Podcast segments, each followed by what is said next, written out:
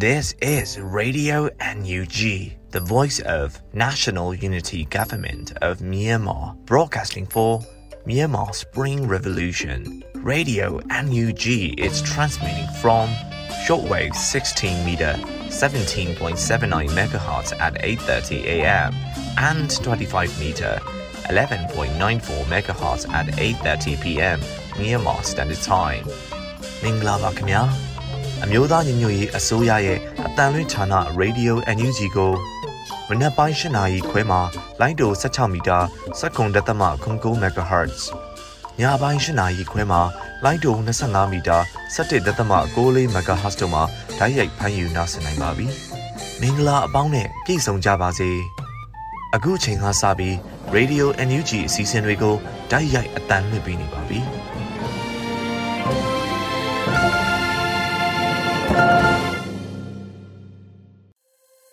မြန်မာနိုင်ငံသူနိုင်ငံသားအပေါင်းတဘာဝပြီးစစ်အာဏာရှင်ဘီတို့ကနေကင်းဝေးပြီးဘေးကင်းလုံခြုံကျန်းမာကြပါစေလို့ရေဒီယိုအန်ယူဂျီအဖွဲ့သားများကဆုတောင်းမြတ်တာပို့သလိုက်ရပါတယ်ရှင်ပထမဆုံးအနေနဲ့ကာကွယ်ရေးဝန်ကြီးဌာနရဲ့စီရေးသတင်းအကျဉ်းချုပ်ကိုလွတ်လပ်နေဦးမှတင်ပြပေးမှာဖြစ်ပါတယ်ရှင်ကာကွယ်ရေးဝန်ကြီးဌာနအမျိုးသားညီညွတ်ရေးအစိုးရမှ အော်တိုဘာလ12ရက်နေ့2022ရက်စွဲနဲ့ထုတ်ပြန်တဲ့စစ်ရေးသတင်းကျဉ်းချုပ်များကို တင်ဆက်ပေးပါမယ်ခင်ဗျာသတင်းများအရစစ်ကောင်စီတပ်သား12ဦးသေဆုံးပြီး22ဦးဒဏ်ရာရရှိခဲ့ပါတယ်စစ်ကောင်စီနဲ့တိုက်ပွဲဖြစ်ပွားမှုသတင်းများကို တင်ပြပေးပါမယ်စကိုင်းတိုင်းမှာအော်တိုဘာလ17ရက်နေ့မနက်9:30မိနစ်ခန့်ကဗမောက်မြို့နယ်တောင်ပိုင်းပေါက်နဲ့ကုန်းကြီးရွာနီးတွင်စစ်ကောင်စီတပ်ဖွဲ့နဲ့ပြည်သူ့ကာကွယ်ရေးတပ်ပေါင်းစုများကြားတိုက်ပွဲဖြစ်ပွားခဲ့ပါတယ် အော်တိုဘာလ17ရက်နေ့မနက်8နာရီခန့်ကမင်းကင်းမြို့နယ်ဖက်ခက်ကြီးရွာနီးတွင် ချင်းတွင်းမြစ်တင်ဆန်တက်လာသောစစ်ကောင်စီဖလက်ခွန်မော်တော်များနဲ့စစ်သင်္ဘောများကိုဒေသခံကာကွယ်ရေးတပ်များမှပစ်ခတ်တိုက်ခိုက်ခဲ့ရာအပြန်အလှန်တိုက်ပွဲဖြစ်ပွားခဲ့ကြောင်းသိရပါတယ်။မကွေးတိုင်းမှာအော်တိုဘာလ10ရက်နေ့မနက်တနာရီခန့်ကထီလင်းမြို့နယ်ရွှေအောင်သာရွာနဲ့အောင်းရွာကြားတွင်ရွှေအောင်သာရွာမှအောင်းရွာဘက်သို့ ရိတ်ခါတဲယူရန်ထွက်လာသောအင်အား15ဦးခန့်ပါစစ်ကောင်စီစစ်ကြောင်းက YTF ထီလင်းထောင်ထားသောမိုင်းကွင်းထဲသို့ဝင်ရောက်ကမိုင်းများပောက်ကွဲမှုကြောင့်စစ်ကောင်စီတပ်သား9ဦးသေဆုံးခဲ့၍ဒဏ်ရာရရှိသူများစွာရှိခဲ့ပါတယ်။မန္တလေးတိုင်းမှာအော်တိုဘာလ17ရက်နေ့ကမြင်းကြံမြို့နယ်နဘူးအိုင်ကားလမ်းပိုင်းတွင်မြောင်မြို့နယ်ညောင်ကားရကျေးရွာနှင့် ပန်းညိုကျေးရွာတို့အားဝင်းမွေဖျက်ဆီးကမိရှို့ပြန်လာသောစစ်ကောင်စီကား12စီးအား MGN 35ပျောက်ကြားတပ်ဖွဲ့မှကိုယ်တိုင်ထုတ်လုပ်ထားတဲ့ပြင်းအားမြင့်ဗရေဒါမိုင်း၅လုံးဖြင့်ဖောက်ခွဲတိုက်ခိုက်ခဲ့ပါတယ်။အဆိုပါတိုက်ခိုက်မှုကြောင့်ကားနစီပေါ်တွင်ပါလာသောတပ်သား6ဦးသေဆုံးပြီး2ဦးပြင်းထန်စွာဒဏ်ရာရ၍20ဦးထိခိုက်ဒဏ်ရာရရှိခဲ့ပါတယ်။ထိခိုက်ဒဏ်ရာရရှိခဲ့သောစစ်ကောင်စီတပ်သားများအားမြင်းချံမြို့နယ်ရှိတပ်မ69လက်အောက်ခံ ခလာရ15တွင်သို့ခေါ်ဆောင်သွားကြောင်းသိရပါတယ်။အော်တိုဘာလ10ရက်နေ့မနက်9:30မိနစ်ခန့်ကမြင်းကြံမြို့နယ်စီမီကုံမြို့မှစတင်ထွက်လာသောစစ်ကောင်စီကား9စီးနဲ့ဆိုင်ကယ်9စီးပါရင်တန်းကိုမနက်7:00နာရီခန့်ကငန်းစွန်ငန်းမြာလမ်းပေါ်ရှိနတ်ကြီးရွာနယ်ကုန်းလေရွာကြားတွင် မိုင်းဆွဲခံရခြင်းကြောင့်ကားကြီးတစ်စီးပျက်စီးသွားခဲ့သဖြင့်မိုင်းဆွဲခံရတဲ့နေရာမှာပဲပစ်ထားခဲ့ကြောင်းသိရပါတယ်ခင်ဗျာ တနင်္သာရီတိုင်းတွင် အော်တိုဘာလ17ရက်နေ့မနက်6:30မိနစ်ခန့်ကတဝယ်မြို့နယ်မောင်မေရှောင်ကျေးရွာနီးရန်ကုန်တဝယ်ကားလမ်းပေါ်တွင်စစ်ကောင်စီကား၈စီးပါရင်တန်းမိုင်းဆွဲခံရပြီးစစ်ကောင်စီတပ်သားများကအနီးနားဝန်းကျင်နဲ့ရွာတဲ့လမ်းတစ်လျှောက်ထိတနက်ချက်ပေါင်းများစွာရန်တမ်းပစ်ခတ်သွားတာကြောင့်ဒေသခံများအကာအကွယ်ယူပုန်းခိုခဲ့ရတယ်လို့သိရပါတယ်ခင်ဗျာဆက်လက်ပြီးစစ်ကောင်စီကျူးလွန်သောရာဇဝတ်မှုများကို ဆက်လက်တင်ပြပေးပါမယ်။စကိုင်းတိုင်းမှာအော်တိုဘာလ17ရက်နေ့က6ဦးမြို့နယ်မဲတဲကျိုးကွင်းတောတိုက်မှနေအိမ်၁၀လုံးကိုစစ်ကောင်စီအဖွဲ့ဝင်များကမိရှို့ဖျက်ဆီးခဲ့တာကြောင့်အနီးအနားကြေးရွာများမှာဒေသခံများထွက်ပြေးတိမ်းရှောင်ခဲ့ရပါတယ်။မကွေးတိုင်းမှာအော်တိုဘာလ10ရက်နေ့မနက်2နာရီခန့်နဲ့17ရက်နေ့နနက်ပိုင်းကစိတ်ဖြူမြို့နယ်စံပြကြေးရွာမှာဒေသခံပြည်သူ12ဦးခန့်အားစစ်ကောင်စီတပ်သားများကဖမ်းဆီးခဲ့ပြီး ဖမ်းဆီးခံရတဲ့ပြည်သူများထဲတွင် NLD ပါတီထောက်ခံသူများနဲ့စီရီယန်ဝန်ထမ်းတချို့ပါဝင်ခဲ့တယ်လို့သိရပါတယ်ခင်ဗျာမမန္တလေးတိုင်းမှာအော်တိုဘာလ10ရက်နေ့ကဝန်တွင်းမြို့နယ်လိန်ပင်ကျေးရွာနေကိုဆန်းဝင်းနဲ့ကိုစိန်ရွှေအားထနောင်းကုန်းကျေးရွာအနောက်ဘက်တွင်ဆိုင်ကယ်မရပ်ပေးလို့ရဲများမှပြစ်ခတ်ခဲ့တာကြောင့်ကိုဆန်းဝင်းတနတ်ထိမှန်၍နေရာမှာတွင်ပွဲချင်းပြီးတည်ဆုံးသွားခဲ့ကကိုစိန်ရွှေမှလည်းလက်ဘေးနှင့်ဒူးတို့တွင်ဒဏ်ရာများရရှိသွားက စိုးရိမ်ရသည့်အခြေအနေရှိခဲ့ပါတယ်။ရဲများကပြစ်ခတ်ပြီးနောက်လူမားသည်ဟုဆိုကာနှစ်ဦးစလုံးအားအခင်းဖြစ်ရာနေရာမှာပင်ပြစ်ထားခဲ့ကြောင်းသိရှိရပါတယ်ခင်ဗျာ။ရန်ကုန်တိုင်းမှာအော်တိုဘာလ17ရက်နေ့ကလှိုင်သာယာမြို့နယ်30ရက်ကွယ်အတွင်းဖမ်းဆီးခံခဲ့ရသော NLD အလုံမှုဆောင်ကိုဝင်းနိုင်နဲ့ဆက်ဆက်၍ကားမောင်းသူတဦးကိုစစ်ကောင်စီအဖွဲ့ဝင်များကဖမ်းဆီးခဲ့တယ်လို့သိရပါတယ်ခင်ဗျာယခုတင်ဆက်ခဲ့တဲ့သတင်းတွေကိုတော့ မြေပြင်သတင်းတာဝန်ခံများနဲ့သတင်းဌာနအသီးသီးမှတင်ပြလာတဲ့အချက်လက်များပေါ်အခြေခံပြည့်စုံထားခြင်းဖြစ်ပါတယ်ကျွန်တော်ကတော့လွတ်လပ်နေဦးဖြစ်ပါတယ်ခင်ဗျာ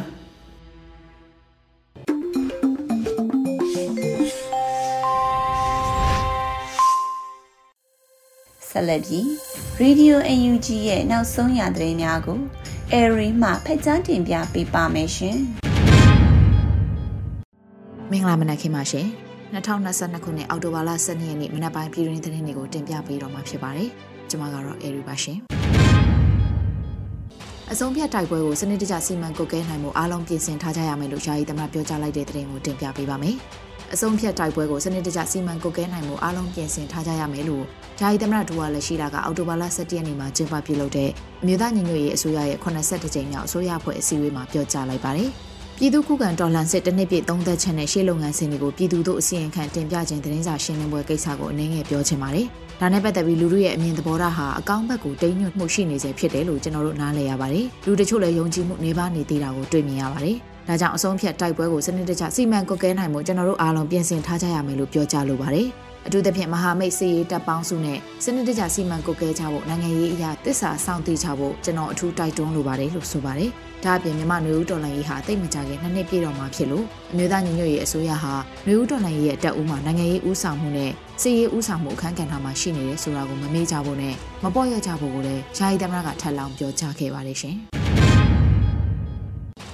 လာမယ့်တစ်နှစ်တာကာလကိုတော်လန်ရေးရဲ့အဆုံးဖြတ်ပေးမဲ့နှစ်အနေနဲ့ခံယူပြီးအမျိုးသားညီညွတ်ရေးအစိုးရအပါအဝင်တော်လန်ရေးအင်အားစုတွေအစွမ်းကုန်စ조사သွားရမှာဖြစ်တယ်လို့ပြည်တော်စုဝန်ကြီးချုပ်ပြောကြားလိုက်တဲ့သတင်းကိုလည်းတင်ပြပေးပါအောင်မယ်။လာမယ့်တစ်နှစ်တာကာလကိုတော်လန်ရေးရဲ့အဆုံးဖြတ်ပေးမဲ့နှစ်အနေနဲ့ခံယူပြီးအမျိုးသားညီညွတ်ရေးအစိုးရအပါအဝင်တော်လန်ရေးအင်အားစုတွေအစွမ်းကုန်စ조사သွားရမှာဖြစ်တယ်လို့အစိုးရအဖွဲ့အစည်းအဝေးမှာပြည်တော်စုဝန်ကြီးချုပ်မှန်ဝန်ခံတန်းကပြောကြားခဲ့ပါတယ်။ လာမယ့်တစ်နှစ်တာကာလကိုတော်လှန်ရေးရဲ့အဆုံးဖြတ်ပေးမဲ့နှစ်အနေနဲ့ခံယူပြီးကျွန်တော်တို့အမျိုးသားညီညွတ်ရေးအစိုးရအပါအဝင်တော်လှန်ရေးအင်အားစုတွေအားလုံးညီညီညာညာနဲ့ဟန်ချက်ညီညီအစွမ်းကုန်စူးစမ်းသွားရမှာဖြစ်ပါတယ်။တချို့ကလည်းတစ်နှစ်တာကာလအတွင်းဖြစ်နိုင်ပါမလားစိုးရိမ်ပူပန်မှုတွေရှိနိုင်ပါတယ်။အခက်အခဲတွေကြမ်းတမ်းမှုတွေဆိုတာကတော့2021ခုနှစ်ဖေဖော်ဝါရီကတည်းကကျွန်တော်တို့ပြည်သူတွေအားလုံးရင်ဆိုင်ခဲ့ရပြီးအဲ့ဒီအချိန်ကတည်းကအခက်အခဲတွေအန္တရာယ်တွေကို ကျွန်တော်တို့တနိုင်ငံလုံးကြံ့ကြံ့ခံရင်ဆိုင်ကြော်လွှားနေခဲ့ကြတာအခုချိန်ထိပဲဖြစ်ပါတယ်လို့ဆိုပါတယ်။အမျိုးသားညီညွတ်ရေးအစိုးရဟာ2021ခုနှစ်စက်တင်ဘာလ9ရက်နေ့မှာပြည်သူ့ခုခံတော်လှန်စစ်တွေစတင်မှုကြေညာခဲ့ပါတယ်။လက်ရှိမှာလာမယ့်တစ်နှစ်ကိုအမျိုးသားညီညွတ်ရေးအစိုးရကနှွေဦးတော်လှန်ရေးအပိသက်တိုက်ပွဲဖြစ်သတ်မှတ်ပြီးစီမံချက်ရေးဆွဲအကောင့်ထဲပေါ်ဆောင်ရွက်လျက်ရှိနေပါတယ်ရှင်။အခုတခါအမျိုးသားညီညွတ်ရေးအစိုးရကာကွယ်ရေးဝန်ကြီးဌာနရဲ့တရားဝင် Twitter လူမှုကွန်ရက်စာမျက်နှာကိုဖွင့်လှစ်လိုက်တဲ့သတင်းကိုတင်ပြပေးပါမယ်။ အမျိုးသားညီညွတ်ရေးအစိုးရကာကွယ်ရေးဝန်ကြီးဌာနရဲ့တရားဝင် Twitter လူမှုကွန်ရက်စာမျက်နှာကိုဖွင့်လှစ်လိုက်ပြီးဖြစ်ကြောင်းအောက်တိုဘာလ17ရက်နေ့မှာကာကွယ်ရေးဝန်ကြီးဌာနကတရားဝင်အသိပေးကြေညာပါတယ်။အမျိုးသားညီညွတ်ရေးအစိုးရကာကွယ်ရေးဝန်ကြီးဌာန၏တရားဝင် Twitter လူမှုကွန်ရက်စာမျက်နှာအားဖွင့်လှစ်ထားပြီးစတင်အသက်ဝင်လှုပ်ရှားနေပြီဖြစ်ပါတယ်။ Twitter လူမှုကွန်ရက်တွင် @mod-nug ကို follow လုပ်ထားခြင်းဖြင့် MOD ရဲ့လှုပ်ရှားဆောင်ရွက်မှုတွေအရေးကြီးတဲ့ဆုံးဖြတ်ချက်တွေနဲ့မူဝါဒတွေမျိုးတော်လှန်ရေးအတွက်အရေးပါတဲ့အလှည့်အပြောင်းတွေနိုင်ငံတော်ဝန်နေစဉ်ဖြစ်ပျက်နေတဲ့အခြေအနေများစွာတွေကမှအဓိကကြတဲ့အဖြစ်အပျက်တွေစတာတွေကိုစဉ်ဆက်မပြတ်သိရှိနိုင်မှာဖြစ်ပါတယ်လို့ဆိုပါတယ်။ဒါအပြင်နှွေဦးတော်လှန်ရေးကပေါက်ဖွာလာတဲ့အနာဂတ်ဖက်ဒရယ်တပ်မတော်ရဲ့အမတေးလို့ဆိုရမယ့် နှွေဦးတော်လှန်ရေးကုခံတော်လှန်စစ်ကိုဆင်နွှဲနေတဲ့ပြည်သူ့ကာကွယ်ရေးတပ်မတော်နဲ့တော်လှန်ရေးရဲဘော်တွေရဲ့လှုပ်ရှားမှုတွေကိုလည်းအလင်းသိမ့်တယ်လို့သိရှိနိုင်မှာဖြစ်တယ်လို့ဖော်ပြထားပါတယ်။ @mod-nug Twitter လူမှုကွန်ရက်စာမျက်နှာကနေတဆင့်ပြည်တွင်းလူထုနိုင်ငံတကာရောက်အင်အားစုနိုင်ငံတကာအတိုင်းဝိုင်းတို့နဲ့ထိတွေ့ဆက်ဆက်မှုပုံမှုအားကောင်းစေဖို့အတွက်ကိုလည်းဆက်လက်အားထုတ်လှုံ့ဆော်သွားမှာဖြစ်တယ်လို့ကာကွယ်ရေးဝန်ကြီးဌာနကအသိပေးကြေညာထားပါတယ်ရှင်။ အကြံဖက်စစ်ကောင်စီကပြုလုပ်မဲ့အတူရောင်ရွှေကောက်ပွဲကိုစန့်ကျင်ရေးပြင်ဆင်မှုဆိုင်ရာတွေကိုနိုင်ငံခြားရေးဒုတိယဝန်ကြီးကအစိုးရကက်ဘိနက်မှာတင်ပြဆွေးနွေးခဲ့တဲ့သတင်းကိုလည်းတင်ပြပေးပါမယ်။အကြံဖတ်စစ်ကောင်စီကပြုလုပ်မဲ့အတူရောင်ရွှေကောက်ပွဲကိုစန့်ကျင်ရေးပြင်ဆင်မှုဆိုင်ရာတွေကိုနိုင်ငံခြားရေးဒုတိယဝန်ကြီးကအစိုးရကက်ဘိနက်မှာတင်ပြဆွေးနွေးခဲ့ပါတယ်။အစည်းအဝေးမှာနိုင်ငံခြားရေးဝန်ကြီးဌာနဒုတိယဝန်ကြီးဦးမိုးစောဦးကအကြံဖတ်စစ်ကောင်စီကပြုလုပ်မဲ့အတူရောင်ရွှေကောက်ပွဲကိုစန့်ကျင်ရေးပြင်ဆင်မှုဆိုင်ရာလုပ်ငန်းတွေတင်ပြဆွေးနွေးခဲ့ပါတယ်။အဲဒီနောက်မှာတော့ပြည်ထောင်စုဝန်ကြီးချုပ်ကတင်ပြလာတာတွေကို ပြန်လည်ရှင်းလင်းဆွေးနွေးခဲ့တယ်လို့သတင်းရရှိပါတယ်။အကြံဖတ်စစ်ကောင်စီဟာ2023ခုနှစ်ဩဂုတ်လမှာရွှေကောက်ပွဲကိုကျင်းပဖို့ကြိုတင်ပြင်ဆင်မှုတွေမဖြစ်မနေလှုံ့ဆော်ရရှိနေပါတယ်ရှင်။အခုဆက်လက်ပြီးမတောက်မီသောမိုးခရေဂျပန်ပွဲစဉ်မှာမြန်မာငွေကျပ်တန်မှု340ခန့်ရရှိခဲ့တဲ့သတင်းကိုလည်းတင်ပြပေးပါဦးမယ်။ မတောက်မီသောမိုးခရေဂျပန်ပွဲစဉ်မှာမြန်မာငွေကျပ်တန်မှု340ခန့်ရရှိခဲ့တယ်လို့အော်တိုဘာလ17ရက်နေ့မှာမတောက်မီသောမိုးခရေရုပ်ရှင်ပြသရေးကော်မတီကဖော်ပြအသိပေးပြောဆိုပါတယ်။အော်တိုဘာလ9ရက်နေ့ကတိုကျိုမြို့တွင်မိုးခါရီပွဲစဉ်၈ပွဲပြသခဲ့ပြီးပွဲစဉ်တိုင်းရှုံပြည့်ရုံရှန်ကရုပ်ရှင်ပြသမှုမှာရန်23သိန်းကျော်မြန်မာငွေ340ခန့်ရရှိခဲ့ပြီးဒါရိုက်တာကိုပေါ့အတွက်တီးခြားလှူဒန်းငွေရန်9သိန်းကျော်ရရှိခဲ့တယ်လို့ဆိုထားပါတယ်။ တိုကျိုမြို့ကမိုးခါရီပြည်သက်တွေကိုလည်းမိုးခါရီအဖွဲ့ကအထူးကျေးဇူးတင်ရှိပါကြောင်းနဲ့ဒါရိုက်တာကိုပေါ့ကလည်းပြည်သက်တွေရဲ့မေတ္တာကြောင့်ခွန်အားရရရှိပါကြောင်းပြောကြားခဲ့ပါတယ်ရှင်။ပြည်ထောင်နဲ့လူဝမှုကြီးကြပ်ရေးဝန်ကြီးဌာနနဲ့စကိုင်းတိုင်းမကွေးတိုင်းအတွင်းကမြို့နယ်ပြည်သူ့လုံခြုံရေးအဖွဲ့တွေတွေ့ဆုံဆွေးနွေးခဲ့တဲ့တဲ့တင်ကိုတင်ပြပေးပါောင်းမယ်။အော်တိုဘာလ17ရက်နေ့မှာမြို့သားညီညွတ်ရေးအစိုးရပြည်ထောင်နဲ့လူဝမှုကြီးကြပ်ရေးဝန်ကြီးဌာနနဲ့စကိုင်းတိုင်းနဲ့မကွေးတိုင်းအတွင်းကမြို့နယ်ပြည်သူ့လုံခြုံရေးအဖွဲ့တွေနဲ့ တွေ့ဆုံဆွေးနွေးပွဲအစည်းအဝေးအမှတ်3မြင်းဆောင်2022ကိုကျင်းပပြုလုပ်ခဲ့ပါတယ်။အဆိုပါဆွေးနွေးပွဲကိုပြည်ထောင်နဲ့လူဝမှုကြီးကြပ်ရေးဝန်ကြီးဌာနတွဲဖက်အမြဲတမ်းအတွင်းဝင်ဒေါက်တာလှိုင်မြင့်ဟန်ကတက်ရောက်အဖွဲ့မှစကားပြောကြားရမှာတော်လိုင်းရေးအောင်မြင်စေဖို့အတွက်မြို့နယ်တွေရဲ့ဆောင်ရွက်ချက်တွေဟာများစွာအရေးပါပါကြောင်းကာကွယ်ရေးနဲ့အုပ်ချုပ်ရေးလုပ်ငန်းတွေဟန်ချက်ညီစွာဆောင်ရွက်ကြရမှာဖြစ်ပါကြောင်းအလားတူပြည်သူ့လုံခြုံရေးအဖွဲ့တွေအနေနဲ့ပြည်သူ့ဝန်ဆောင်မှုကဏ္ဍတွေကိုလည်းလေဟင်းမှုမရှိစေဖို့ဝိုင်းဝန်းကြက်မှတ်ဆောင်ရွက်သွားရမှာဖြစ်ပါကြောင်းပြောကြားခဲ့ပါတယ်။ ဆက်လက်ပြီးပြည်သူ့ရဲတပ်ဖွဲ့အဖွဲ့ဝင်တွေကလုပ်ငန်းဆောင်ရွက်နေမှုတွေကိုရှင်းလင်းပြောကြားခဲ့ပြီးတက်ရောက်လာတဲ့မြို့နယ်ပါလာဖအဖွဲ့ဝင်တွေကမြေပြင်ကအမှုကိစ္စဆောင်ရွက်နေမှုတွေတရားဥပဒေစိုးမိုးရေးလုပ်ငန်းတွေပြည်ပြည်ပြင်းပြင်းလဲပတ်နိုင်ရေးအတွက်ကြုံတွေ့နေရတဲ့အခက်အခဲတွေနဲ့လိုအပ်ချက်တွေထိန်းချုပ်နယ်မြေတွေအတွင်းကျေးရွာအုပ်ချုပ်ရေးရန်နေရာတွေကိုခိုင်ခိုင်မာမာလဲပတ်နေတဲ့အခြေအနေတွေ စတာတွေကိုရှင်းလင်းတင်ပြခဲ့ပြီးသိရှိလိုတာတွေကိုလည်းမေးမြန်းကြရမှာဝင်ကြီးဌာနကသက်ဆိုင်ရာတာဝန်ရှိသူတွေကပြန်လည်ဖြေကြားခဲ့ကြပါတယ်။အစည်းအဝေးကိုတွဲဖက်အမြဲတမ်းအတွင်းဝင်တဲ့ပြည်သူ့အုပ်ချုပ်ရေးဦးစီးဌာနပြည်သူ့ရဲတပ်ဖွဲ့မှတာဝန်ရှိသူတွေစကိုင်းတိုင်းနဲ့မကွေးတိုင်းအတွင်းကမြို့နယ်ပြည်သူ့လုံခြုံရေးအဖွဲ့ဝင်တွေတက်ရောက်ခဲ့ကြတယ်လို့သတင်းရရှိပါတယ်ရှင်။ဆက်လက်ပြီးအမျိုးသားညီညွတ်ရေးအစိုးရကအတိအမှတ်ပြုပြီးဖြစ်လို့တွေ့ရတင်ကြိုင်ထားမဆိုင်ပျောက်ကြားတပ်ဖွဲ့ကို DMSA လို့ပြောင်းလဲသုံးဆွဲလိုက်တဲ့သတင်းကိုတင်ပြပေးပါမယ်။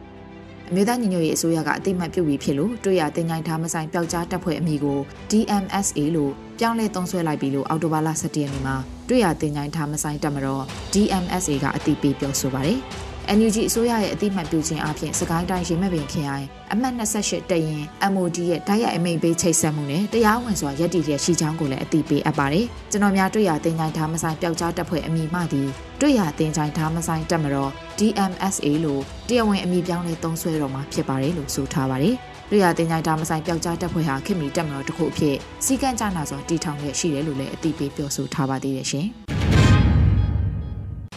မြိုင်မြို့နယ်စက်မှုနှစ်စစ်ကောင်စီစခန်းနဲ့ကိုင်းတော်မှရဲစခန်းကြားကူးတက်နေတဲ့စစ်ကောင်စီတပ်ဖွဲ့ရဲ့ကားကိုရှော့တုံးလေးလုံးဆွဲပြီးတိုက်ခိုက်ခဲ့တဲ့တဲ့တင်ကိုတင်ပြပေးပါမယ်။အော်တိုဘာလ17ရက်နေ့ညနေပိုင်းမှာစက်မှုနှစ်စစ်ကောင်စီစခန်းနဲ့ကိုင်းတော်မှရဲစခန်းကြားကူးတက်နေတဲ့စစ်ကောင်စီတပ်ဖွဲ့ကားကိုရှော့တုံးလေးလုံးဆွဲပြီးတိုက်ခိုက်ခဲ့တယ်လို့မြိုင်ပကဖကအတည်ပြုပြောဆိုပါတယ်။အော်တိုဘာလ17ရက်နေ့ညနေ4နာရီခန့်မှာ စက်မှုနှစ်စစ်ကောင်စီစခန်းနဲ့ကိုင်းတော်မှရဲစခန်းကြားကူးတန်းနေတဲ့စစ်ခွေးကားအားမြိုင်မြို့နယ်ပြည်သူ့ကာကွယ်ရေးတပ်ဖွဲ့တရင်1တက်ခွဲ1နဲ့ဂလုံပြည်သူ့ကာကွယ်ရေးတပ်ဖွဲ့တွေကရှော့တုံးလေးလုံးဆွဲ၍တိုက်ခိုက်ခဲ့ပြီးလက်နက်ငယ်တွေနဲ့လည်းပစ်ခတ်ခဲ့ပါတယ်လို့ဆိုပါတယ်။စစ်ကောင်စီတပ်တွေကြာဆုံးမှုတွေရှိနိုင်ပြီးစီးရင်ကိုတော့ဆက်လက်စုံစမ်းနေစေဖြစ်တယ်လို့မြိုင်ပကဖကဆိုထားပါတယ်ရှင်။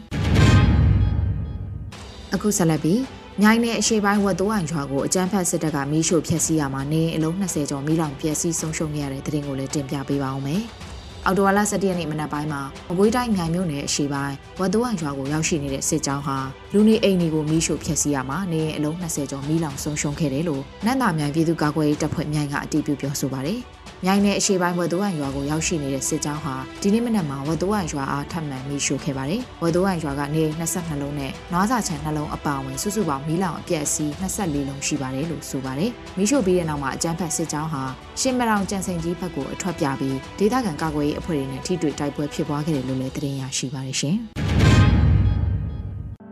ဒဇယ်အရှိကျော်ကြေးရွာတွေမှာတောင်းချမ်းခဲ့တဲ့အကြမ်းဖက်စစ်တပ်စစ်ကြောင်းကိုမူးတရာပေါ်မှာမိုင်းဆွဲတိုက်ခိုက်ခဲ့တဲ့သတင်းကိုလည်းတင်ပြပေးပါအောင်မယ်။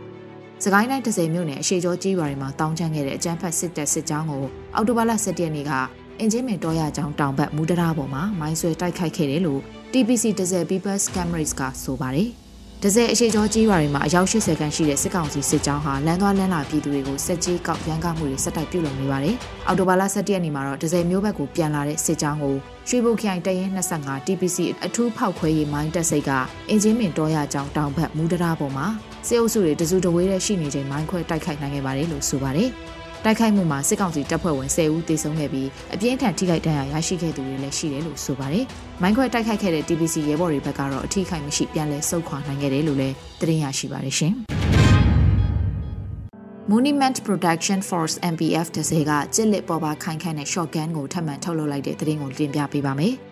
Monument Production Force MPF 30မှာကြစ်လစ်ပေါ်ပါခိုင်ခန့်တဲ့ shotgun ကိုထပ်မံထုတ်လုပ်လိုက်တယ်လို့အော်တိုဘာလအတွင်းမှာလက်နက်နဲ့ပတ်သက်လို့ MPF 30ကအသိပေးပြောဆိုပါတယ်။အခု shotgun အမျိုးအစားမှာခါချိုးလိုက်တာနဲ့ကြီးကွန်ပြန်ကန်ထွက်တဲ့စနစ်ထည့်သွင်းထားတဲ့အတွက်အနီးကပ်ပျောက်ကြား mission တွေမှာပုံမထိရောက်စွာအသုံးပြုနိုင်မှာဖြစ်ပါတယ်လို့ဆိုပါတယ်။ဒါအပြင်ခံတိုင်းမှာအသားတစိပ်ပါဝင်ပြီး serial number အလိုက်ထုတ်လုပ်သွားမယ်လို့လည်းဆိုထားပါတယ်ရှင်။ ဗမားမြို့နယ်မှာအထိနာလို့တက်ဖြောက်ထားတဲ့အကြမ်းဖက်စစ်ကြောင်းကို KIA နဲ့ PDF ပူးပေါင်းတိုက်ခိုက်ခဲ့တဲ့သတင်းကိုတင်ပြပေးပါောင်းမယ်။ဗမားမြို့နယ်မှာအထိနာလို့တက်ဖြောက်ထားတဲ့အကြမ်းဖက်စစ်ကြောင်း နားမော်ရွာဘက်ကိုစစ်ကြောင်းထိုးလာတဲ့အတွက် KIA နဲ့ PDF ပူးပေါင်းတိုက်ခိုက်ခဲ့တယ်လို့အော်တိုဘာလ17ရက်နေ့မှာစီရေးသတင်းကိုဗမောက်တော်လိုင်းအင်အားစုကထုတ်ပြန်ပါတယ်။ရှေးပိုင်းရက်တွေမှာအထိနာသွားတဲ့စစ်ကောင်စီတပ်တွေဟာတက်ဖြောက်ထားရကနေဒီနေ့နေ့လယ်ပိုင်းမှာနားမော်ရွာဘက်ကိုစစ်ကြောင်းထိုးလာတဲ့အတွက် KIA PDF နဲ့ဒေသကာကွယ်ရေးတပ်ဖွဲ့တွေနဲ့တိုက်ပွဲဖြစ်ပွားနေပါတယ်လို့ဆိုပါတယ်။အရင်ဖြစ်ပွားခဲ့တဲ့တိုက်ပွဲတွေမှာစစ်ကောင်စီတွေဘက်ကထိခိုက်ဒေဆုံးမှုများစွာရှိခဲ့ပြီးလက်နက်ခဲယမ်းတွေကိုလည်းတင်စီရရှိခဲ့တယ်လို့ဗမောက်တော်လိုင်းအင်အားစုကအတည်ပြုပါတယ်။ အခုတင်ပြပေးခဲ့တဲ့သတင်းတွေကိုတော့ Radio NUG သတင်းတောက်မင်းမင်းကပေးပို့ထားတာဖြစ်ပါလိမ့်ရှင်။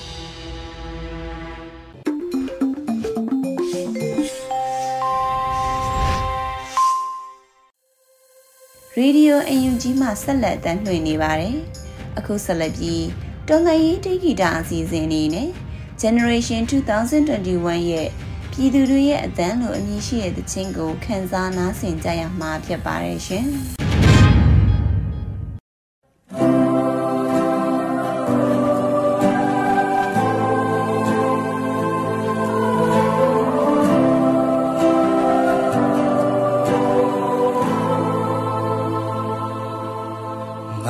တို့သွေးငါတို့သားငါတို့သက်တွေဘယ်ချိန်ထိလောက်တီးစီအမလဲနေမဝင်မဲမောင်မတဲ့နေများလို့ဘယ်ချိန်မှအလင်းစောတွေ့မေမသိ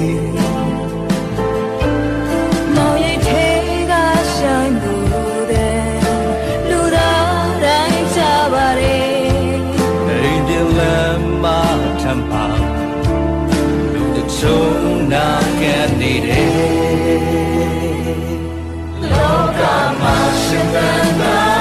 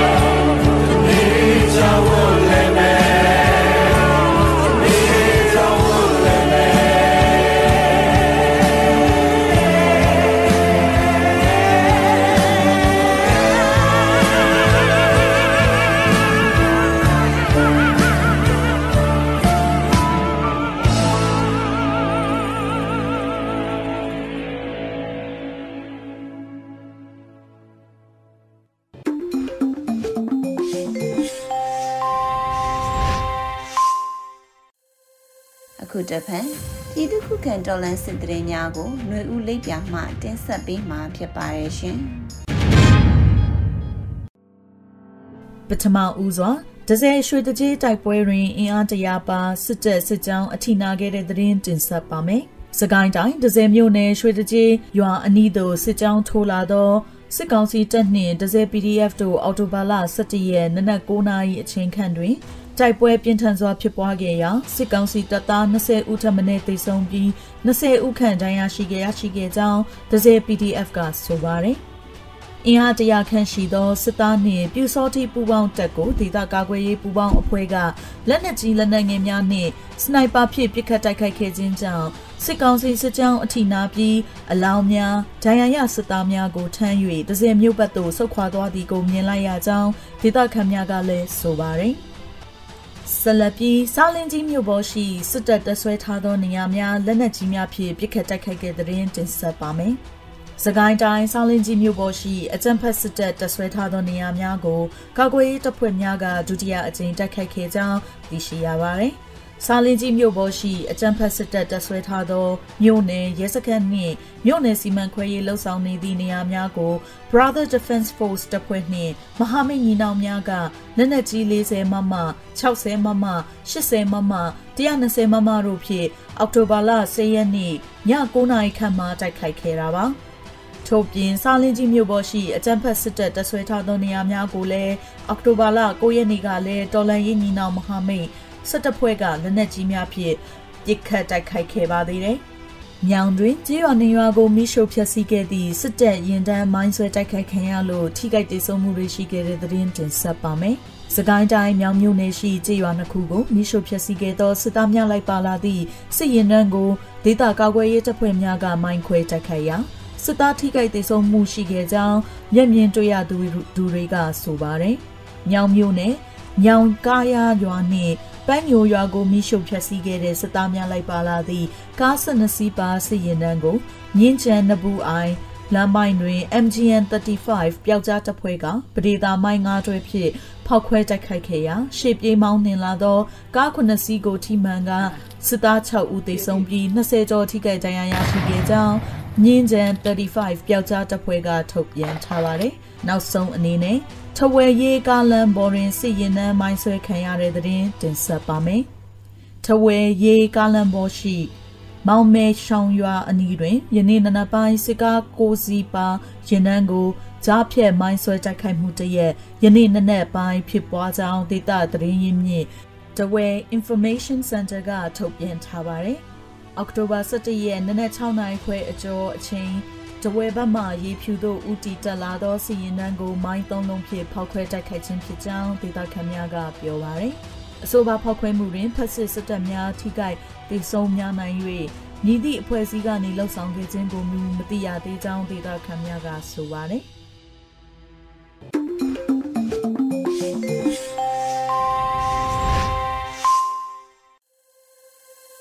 ရေဒီယိုအယူကြီးသောတန်ရှင်များရှင် PVTV ရဲ့နေ့စဉ်သတင်းများကိုထထအင်ထရာအောင်မှဖတ်ကြားတင်ပြပေးထားပါတယ်ရှင်။အခုချိန်ကစပြီး PVTV သတင်းတွေကိုတင်ဆက်ပေးတော့မှာပါ။ကျမထက်ထက်အင်ဒရာအောင်ပါ ထမဆုံးတင်ဆက်ပေးမယ့်သတင်းကတော့အသက်3နှစ်ကျော်ကလေးငယ်တဦးကိုမိခင်နဲ့အတူထောင်ချပြီးရာဇဝတ်သားလို့ဆက်ဆက်ခံနေရတာကိုကုလသမဂ္ဂအနေနဲ့ဘေးကနေကြည်နေနိုင်ပါသလားလို့တာမတ်ကြီးဦးကျော်မှုထွန်းမေခွန်းထုတ်လိုက်တဲ့သတင်းကိုတင်ဆက်ပေးပါမယ်။ မြန်မာနိုင်ငံမှာအသက်3နှစ်ကျော်ကလေးငယ်တအုပ်ကိုမိခင်ရောအဖွားနဲ့အတူထောင်ထပ်3နှစ်ချမှတ်ခံရပြီးရာဇဝတ်သားလို့ဆက်ဆက်ခံနေရတာကိုဘေးကနေကြည်နေနိုင်ပါသလားလို့ကုလအစည်းအဝေးမှာကုလဆိုင်ရာမြန်မာအမြဲတမ်းကိုယ်စားလှယ်တမ်းမကြီးဦးကျော်မှုထွန်းကမေခွန်းထုတ်ပြောကြားလိုက်ပါတယ်။ကလေးတငယ်တွေကစစ်တပ်ရဲ့အကြမ်းဖက်လုပ်ရက်တွေမှာအဓိကပြစ်မှတ်ထားခံနေရတယ်။ ဥပမာဖြစ်ပြောရပါက2022ခုနှစ်မတ်လအတွင်းမှာအသက်3နှစ်3လအရွယ်ကလေးငယ်က၎င်းရဲ့မိခင်နဲ့အဖွားဖြစ်သူတို့နဲ့အတူထောင်နဲ့3နှစ်ချမှတ်ခြင်းခံခဲ့ရတယ်။အဲ့ဒီ3နှစ်3လအရွယ်ကလေးငယ်အနေနဲ့ရာဇဝတ်သားတအုပ်ကဲ့သို့ဆက်ဆံခံနေရတဲ့အချိန်မှာ မိမိတို့အနေနဲ့မြည်သည့်ဆောင်ရွက်မှုမှမရှိဘဲဘေးမှာစိတ်စိတ်ထိုင်နေနိုင်တာမျိုးလုပ်နေနိုင်ပြီကိုတဘာဝတိနဲ့ကိုယ်စလဲတွေကိုမေခွန်းထုတ်လိုပါတယ်ဆိုပြီးတော့တာမတ်ကြီးကအစည်းအဝေးမှာပြောကြားလိုက်ပါတယ်။ဒါအပြင်အာနာသိန်းချိန်ကစပြီးတော့2022ခုနှစ်အောက်တိုဘာလ9ရက်နေ့အထိအကြမ်းဖက်စစ်တပ်ကအယက်သားပြည်သူ2338ဦးကိုရက်ဆက်စွာတပ်ဖြတ်ထားပြီးတော့အဲ့ဒီထဲက62ဦးကအသက်14နှစ်အောက်ကလေးငယ်တွေဖြစ်တယ်ဆိုတာနဲ့ 209ဦးကအသက်15နှစ်ကနေ19နှစ်ကြားလူငယ်တွေဖြစ်တယ်ဆိုပြီးတော့ပြောကြားထားပါတယ်။အကြမ်းဖက်စစ်တပ်ကအာဏာသိမ်းမှုကြိုးပမ်းတဲ့နောက်ဆက်တွဲအနေနဲ့ကလေးတငယ်တွေကအသက်အန္တရာယ်လွတ်လပ်ခွင့်ကတ်သက်ခံရတာနဲ့အခွင့်အရေးတွေဖိနှိပ်ခံရတာတွေကိုကြုံတွေ့နေရတယ်ဆိုပြီးတော့လဲတမ္မကြီးဦးကျော်မိုးထွန်းကပြောကြားထားပါတယ်မြန်မာနိုင်ငံမှာဂျမ်ဘတ်စစ်တပ်ရဲ့ကလေးတငယ်တွေပေါ်အကြမ်းဖက်နေတဲ့လုပ်ရက်တွေ လူခွင့်ရေးချိုးဖောက်နေမှုတွေကိုစိုးရိမ်ပူပန်ကြောင်းအကြမ်းဖက်စစ်တပ်ကိုချက်ချင်းအရေးယူနိုင်ဖို့အတွက်ကအမျိုးသားညီညွတ်ရေးအစိုးရကိုအသိအမှတ်ပြုတာအပါအဝင်ပုံမှုထင်ရှားတဲ့ခြေလှမ်းတွေကိုဆောင်ရွက်ဖို့လိုတယ်ဆိုပြီးတော့ပြောကြားထားပါတယ်။အမျိုးသားညီညွတ်ရေးအစိုးရကကလေးတငယ်တွေရဲ့ရပိုင်ခွင့်တွေအသက်မပြည့်သေးတဲ့သူတွေကိုကာကွယ်စောင့်ရှောက်တာတွေဆန္ဒပြပွဲတွေအတွင်းအသက်သေဆုံးတာဒါမှမဟုတ်ဒဏ်ရာရရှိတဲ့ကလေးတငယ်တွေကိုအကူအညီပေးတာအကျဉ်းထောင်အတွင်းဒါမှမဟုတ်ပုံအောင်နေတဲ့အမျိုးသမီးတွေလူငယ်တွေနဲ့ ကလေးတငယ်တွေအတွက်ဥပဒေနဲ့ငွေကြေးဆိုင်ရာထောက်ပံ့မှုတွေပေးတာကလေးတငယ်အခွင့်အရေးအပါအဝင်အခြေခံအခွင့်အရေးတွေနဲ့ဆက်လင်းပြီးတော့အကြံပေးတာနဲ့အသိပညာပေးတာတွေကိုလှုံ့ဆော်နေတယ်လို့လည်းကုလသမဂ္ဂကြီးဦးကျော်မိုးထွန်းကပြောကြားထားပါတယ်။ဆလတ်တင်ဆက်ပေးမှာကတော့အကြမ်းဖက်စစ်ကောင်စီကအာဏာသိမ်းပြီးတဲ့နောက်ပိုင်းကရင်ပြည်နယ်အတွင်းထွက်ပြေးတိမ်းရှောင်နေရသူပေါင်း3သိန်းခွဲကျော်အထိရှိလာတဲ့ဆိုတဲ့သတင်းကိုတင်ဆက်ပေးမှာပါ။ ကရင်ပြည်နယ်အတွင်းထွက်ပြေးတိမ်းရှောင်နေရသူ3သိန်းခွဲကျော်အထိရှိထားတယ်လို့ကရင်လူအခွင့်ရေးအဖွဲ့ KHRG ကဒီကနေ့မှသတင်းထုတ်ပြန်လိုက်ပါတယ်။အာဏာသိမ်းပြီးတဲ့နောက်အကြမ်းဖက်စစ်တပ်ကနေမြေကျူးကျော်ထိုးစစ်တွေအကြမ်းဖက်မှုတွေကြောင့်ပြည်သူတွေကထွက်ပြေးတိမ်းရှောင်နေကြတာဖြစ်ပြီးထွက်ပြေးတိမ်းရှောင်နေရတဲ့3သိန်းခွဲကျော်ထဲမှာထက်ဝက်ကကလေးတငယ်တွေဖြစ်တယ်လို့ဖော်ပြထားပါတယ်။ထွက်ပြေးတိမ်းရှောင်နေရသူတွေတဲ့အမျိုးသမီးတွေနေရရွှေ့ပြောင်းနေထိုင်ရမှုတွေကိုမတူကွဲပြားစွာနဲ့ရင်ဆိုင်နေရတယ်ဆိုပြီးတော့လဲ ထောက်ပြထားပါတယ်။ဒါအပြင်ထွက်ပြေးတိမ်းရှောင်နေကြတဲ့စစ်ရှောင်ပြည်သူတွေကတောတောင်တွေမှာထိခိုက်ဒဏ်ရာရတာတွေမြေမြုပ်မိုင်းပောက်ကွဲတာတွေစစ်ကောင်စီရဲ့လေကြောင်းတိုက်ခိုက်မှုနဲ့လက်နက်ကြီးအန်ရီတွေကိုရင်ဆိုင်နေရတယ်လို့လည်းကရင်လူအခွင့်ရေးအဖွဲ့ KHRG ကဖော်ပြထားပါတယ်။အကြမ်းဖက်စစ်တပ်ကကရင်ပြည်နယ်အတွင်းတိုက်ပွဲတွေမှာလက်နက်ကြီးတွေပစ်တာလေကြောင်းတိုက်ခိုက်မှုတွေကိုအရှိန်မြင့်တာတွေလှုပ်ဆောင်နေပါတယ်။စစ်ဘေးရှောင်ပြည်သူတွေအနေနဲ့တောက်သုံးရေးအစာအစာ ပညာရေးကျန်းမာရေးစောင့်ရှောက်မှုတွေလိုအပ်မှုရှိနေတယ်ဆိုပြီးတော့လဲခရီးလူအခွင့်အရေးအဖွဲ့ကထုတ်ပြန်ချက်ထဲမှာဖော်ပြထားတာကိုတွေ့ရပါတယ်။ကျေးဇူးတင်ပါတယ်ရှင်။ဒီကနေ့ကတော့ဒီညနေပဲ Radio NUG ရဲ့အစည်းအဝေးတွေကိုခਿੱတရရနိုင်ပါမယ်။မြန်မာစံတော်ချိန်မနက်၈နာရီခွဲနဲ့ည၈နာရီခွဲအချိန်တွေမှာပြန်လည်ဆုံးဖြတ်ကြပါစို့။ Radio NUG ကိုမနက်ပိုင်း၈နာရီခွဲမှာလိုင်းဒို16မီတာစက္ကန့်တသမ9 MHz ညပိုင်း၈နာရီခွဲမှာလိုင်းဒို25မီတာ17.6 MHz တို့မှာဓာတ်ရိုက်ဖမ်းယူနားဆင်နိုင်ပါပြီ။မြန်မာနိုင်ငံသူနိုင်ငံသားများကိုယ်စိတ်နှပြကျန်းမာချမ်းသာလို့ဘေးကင်းလုံခြုံကြပါစေလို့ Radio NUG အဖွဲ့သူအဖွဲ့သားများကဆုတောင်းလိုက်ရပါတယ်။အမျိုးသားညီညွတ်ရေးအစိုးရရဲ့စက်သွေးရေးတရင်အချက်အလက်နဲ့ဤပညာဝန်ကြီးဌာနကထုတ်လွှင့်နေတဲ့ Radio NUG ဖြစ်ပါတယ်။ San Francisco Bay Area အခြေစိုက်မြန်မာမိသားစုများနဲ့ နိုင်ငံတကာကစေတနာရှင်များလှုပ်အားပေးများရဲ့ Radio NUG ဖြစ်ပါတယ်။အရေးတော်ပုံအောင်ရမည်